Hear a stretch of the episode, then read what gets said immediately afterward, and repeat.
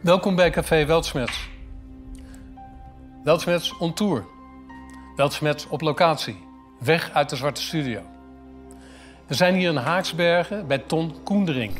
Ton heeft uh, onlangs in de gemeente Haaksbergen een uh, vijf minuten spreekrecht genomen om de Pfizer-documenten, om die te beoordelen, te bespreken, et cetera. Voor de gemeenteraad. Dat is opgenomen op een filmpje en dat is viraal gegaan. Ton was binnen een week wereldberoemd in Nederland. 42.086 mensen kregen bijwerkingen. Weet je hoeveel er dood zijn gegaan in die eerste drie maanden? 1223. Uh, wij zitten nu bij hem op bezoek. Dankjewel, Tom. Uh, we willen heel graag van jou weten hoe het allemaal gekomen is. Jij hebt die, uh, die Pfizer-documenten op een, een of andere manier ontdekt. En je hebt ze beoordeeld. Daar moet heel veel tijd in, uh, in gestoken zijn. Brandlos. Brandlos. Um, ja, um, uh, ik werd erop geattendeerd door iemand en die heeft ze mij doorgestuurd. Op dat moment mochten ze ook nog niet bekend worden. En uh, doordat er een rechtszaak is geweest in Amerika, moesten die documenten eerder vrijgegeven worden. En moest ook Pfizer ze gewoon op zijn website hebben staan. Nou, en dus de, dan duik je daarin. En dan schrik je. Maar dat zul je ook zien in het filmpje. Dan schrik je echt van wat daar dus daadwerkelijk in staat. Vooral van die eerste drie maanden. En dan denk je echt, wat voor een dikke Dit kan toch niet? Normaal gesproken, bij welke vaccinatie dan ook. Op het moment dat er al één dooie valt, stoppen ze al met een vaccinatie. Ja. Hier vielen 1223 doden in de eerste drie maanden. Waar? Over de hele wereld. Over de hele wereld. Over de hele wereld. Van 42.086. Dan denk je echt van, maar waarom stoppen ze dan niet? Ja. Maar is het een idee als wij eventjes jou, uh, jouw filmpje uh, monteren in deze film en dan ja. praten we daarna verder? Dank u wel. Goedenavond allemaal. Ik wil het vandaag hebben over de gezondheid. En wat iedereen de laatste tijd, of de laatste aantal jaren wel heeft meegemaakt, is dat de gezondheid toch wel een beetje te overlaat. Jammer genoeg. En ik zal me hier kwetsbaar opstellen. En vooral met betrekking tot wat er om ons heen gebeurt. Mensen vallen neer, jonge mensen vallen neer. Jonge mensen komen in het ziekenhuis liggen. Pericarditis, mericarditis. Ga zo maar door. Hoe kan dat? Dat is een vraag. Meer kankergevallen. Meer doodgeboortes. Hoe kan dat? Waar ligt dit aan? En dan zul je zeggen, maar dit is iets landelijks. Nee, het is ook iets plaatselijks. Het gebeurt hier, in Haaksbergen. En het is erg genoeg. Totdat het Pfizer-rapport, wat eigenlijk pas over 75 jaar bekend mocht worden, over 75 jaar pas, nu vrijgegeven is om in te kijken. En dan schrik je. Als je dat Pfizer-rapport doorleest, dat bij de eerste 45.000 de zogenaamd gevaccineerde mensen 42.086 bijwerkingen kregen in de eerste drie maanden. Van de 45.000 mensen, 42.086 mensen kregen bijwerkingen.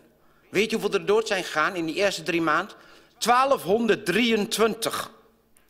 Dat is 2,91 procent doodgegaan direct aan de vaccinatie, bewezen door Pfizer. Het rapport ligt voor u. En dan schrikken wij niet. Dan gaan wij niet nadenken van, wat is hier aan de hand? Laten we ons nog steeds gewoon zogenaamd vaccineren met dit? Zijn wij hiermee akkoord dat dit allemaal gebeurt? Je doet het voor een ander, wordt er gezegd. Je doet het voor je opa. Je doet het voor je oma. Je doet het voor je ouders. En dan ga je nadenken. En dan komt de Europees parlementariër en die vraagt aan Pfizer en aan Moderna. Is dit middel tegen transmissie? En dan wordt er gewoon gezegd in het Europees parlement, nee, dit middel is nooit tegen transmissie gedacht. Dat wilde zeggen, ik laat mij vaccineren, maar het wil niet zeggen dat ik daardoor een ander bescherm, want het is niet waar. Het is gelogen wat hier in Nederland is gebeurd. Puur gelogen. Er wordt gelogen door de voormalig minister van Volksgezondheid. En gelogen door de minister van Volksgezondheid op dit moment. En het is een schande. En ik begrijp niet dat wij als Haaksbergenaren dit nog kunnen accepteren. Dat wij om ons heen zien dat mensen doodgaan, creperen, meerdere kankergevallen. Alles staat hier in het rapport. Het rapport ligt voor u. Dan gaat u eens even naar pagina 7. En dan gaat u schrikken. Pagina 7. Fataal. 1223 mensen. Van die 45.000. Waarbij 11.361 mensen nog niet hersteld zijn binnen die drie maand. Wat wil dat zeggen? Dat was in de periode van 1 december 2020 tot 28 februari 2021 niet hersteld. Rapport is uitgegeven op 30 april 2021. Niet hersteld en opmaken toen het rapport gemaakt werd. En wij accepteren dat als Haaksbergenaren. Dat wij hier nog steeds deze spuit, wie ik geen vaccinatie kan noemen, wat bij het Hoogste Gerechtshof in Amerika ook uitgeroepen, dat het geen vaccinatie mag heten. Ik noem het een gifprik. En meer niet en niet anders. Meer kankergevallen. Meer dan ooit. 755% meer doodgeboortes. Is dat normaal? Vinden wij dat normaal? Gaan wij naar de volgende pagina. En dan gaan we een paar pagina's verder. Dan gaan we kijken, helpt het tegen COVID? Nee. Van die 45.000 die dubbel geprikt zijn, zijn 3.046 mensen hebben alsnog COVID gekregen. Weet je hoeveel er toen overleden zijn in die drie maanden? Dan ga je dus eventjes kijken. Ik moet even een paar bladzijden verder. En dan zal ik u de pagina 3067, pagina 17. Fataal, 4,34 procent. Die alsnog zijn overleden aan COVID. Terwijl ze gevaccineerd waren. In die drie maand. Dubbele vaccinatie. Blijven wij deze spuit in Haaksbergen faciliteren? Denk na. Kijk naar dit officiële rapport van Pfizer. Is dit normaal? Ik vind het niet meer normaal. De vijf minuten zijn voorbij, ik Ja, weet het. Dat klopt. Wat, en het enige vraag is, wat is de kerntaak van onze burgemeester? Dank u wel. Ik heb het inderdaad een afronding.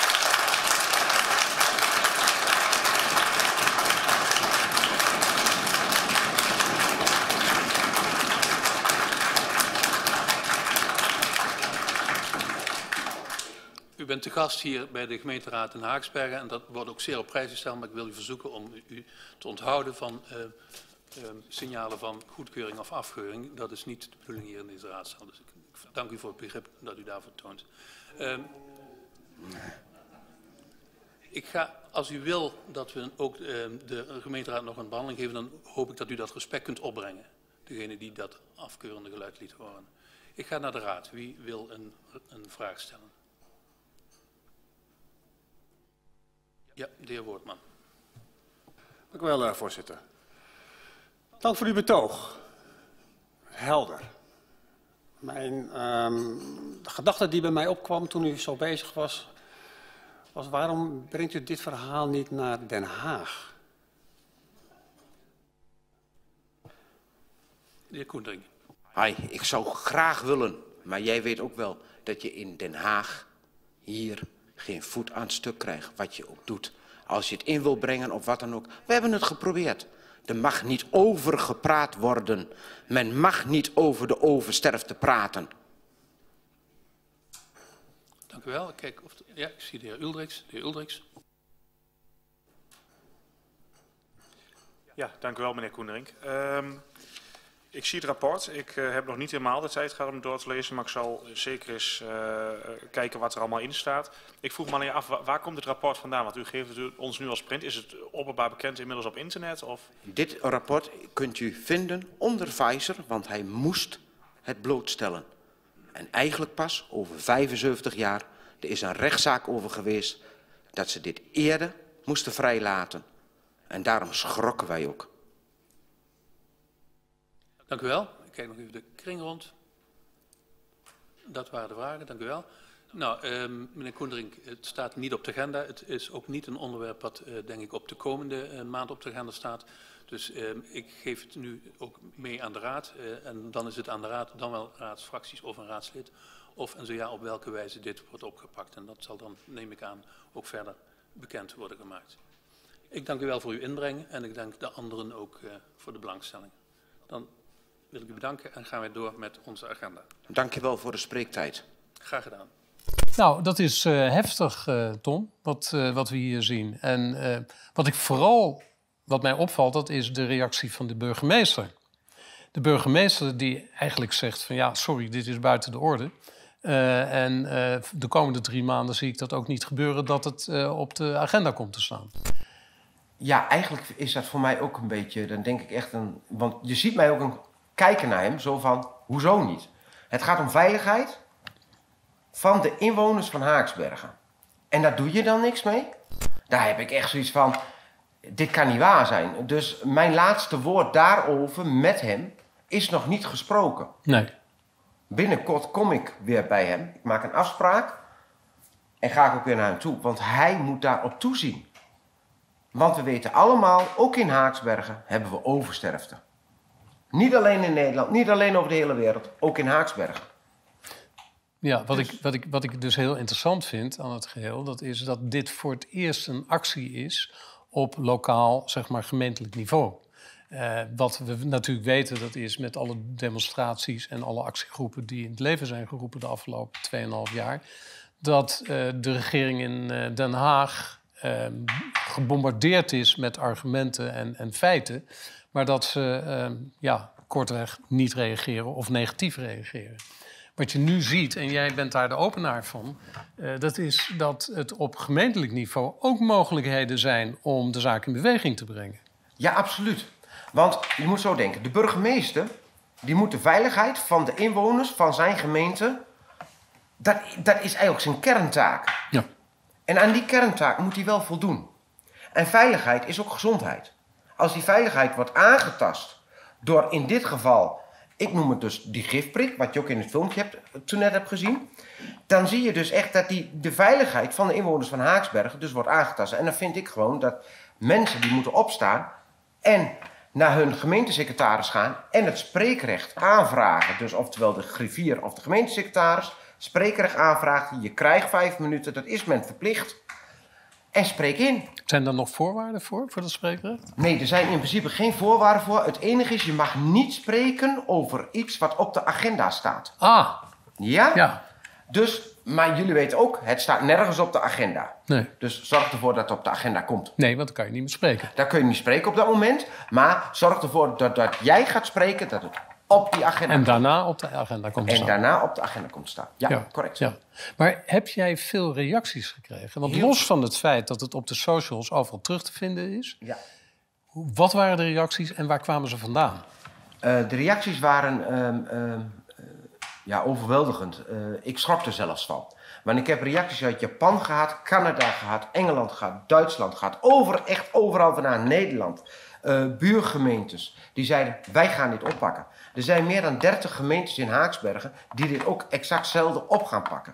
Dus dat mensen die hè, altijd werden uitgescholden voor wappies, om maar zo te zeggen, dat die ook dat spreekrecht pakken en de burgemeester op zijn kerntaak gaat wijzen. Ja, ja. Nou zag ik aan de burgemeester van Haaksbergen dat hij niet stond te trappelen om daar iets mee te doen. Nee, want ik, ik dat is, uh, ik denk dat hij dat heel moeilijk zal vinden. Maar dat is niet erg. Waarom zou hij het moeilijk vinden? Hoor? Kijk eens, want uh, ze zien het meer als, uh, wat je ook zag, zeg maar, als die, uh, de VVD-raadslid. Waarom breng je die niet naar, de, naar Den Haag? Ja? ja. Dat, dat, dat zei die toen net ook in dat filmpje zo mooi. Um, omdat het, hun vinden dat het iets landelijks is. Maar het is niet zo. Nou, het is plaatselijk. Het is zowel plaatselijk als landelijk. Ja. Kijk, het, en, het, het, zeg maar, het beleid wordt gemaakt in Brussel overigens, maar goed, ja. dat is weer wat anders. Uh, maar het is uh, regeringsbeleid. Het is regeringsbeleid. Maar als een burgemeester die verantwoordelijk is voor een gemeente... ziet dat zijn inwoners de onder te lijden heeft, moet ja. hij opstaan. dan moet hij ruggengraat tonen. Ja. Ja? En als hij in eerste instantie in die afgelopen anderhalf jaar al geen ruggengraat getoond heeft, dan moeten wij als burgers zorgen dat de burgemeester door ons die ruggengraat gaat tonen richting de regering. Nou ja, de lakmoesproef is natuurlijk dat burgemeesters staan tussen de bevolking aan de ene kant en aan de regering aan de andere kant. Hè. Ehm, de, de burgemeester wordt door de kroon benoemd. Dus dat betekent dat de plaatselijke bevolking geen enkele invloed heeft op de keuze van de burgemeester. Dat is correct. Ehm, maar hij heeft wel te maken met een bevolkingsgroep. En op het moment dat die bevolkingsgroep ehm, lastig gaat worden eh, door de maatregelen van de regering, dan heeft zo'n burgemeester een enorm probleem. En die komt in een spagaat terecht van wie volg ik nu? Volg ik mijn eigen inwoners, waar ik voor sta, voor hoor te staan, of volg ik de, de macht boven mij, en dat is dan de regering in Den Haag? Dus ik kan me voorstellen dat wat er nu gebeurt een heel interessante ontwikkeling is. Wat doen de burgemeesters? Kiezen ze voor hun eigen mensen of kiezen ze voor Den Haag? En daar zeg je nou weer goed. Wil die burgemeester burgervader zijn of wil hij burgemeester zijn? Nou ja, dat is een woordverschil. Nee, er zit een heel groot verschil in. Een burgervader is er voor zijn mensen. Een burgemeester, Ja. dat is de, een meester die de burgers onderwijst. Maar nou even, even terug naar, naar, Ja. naar... Kijk, het machtscentrum Den Haag. Ja, Eh, daar heeft iedereen al eh, mee te maken gehad. En eh, ja, daar is geen ontwikkeling te verwachten.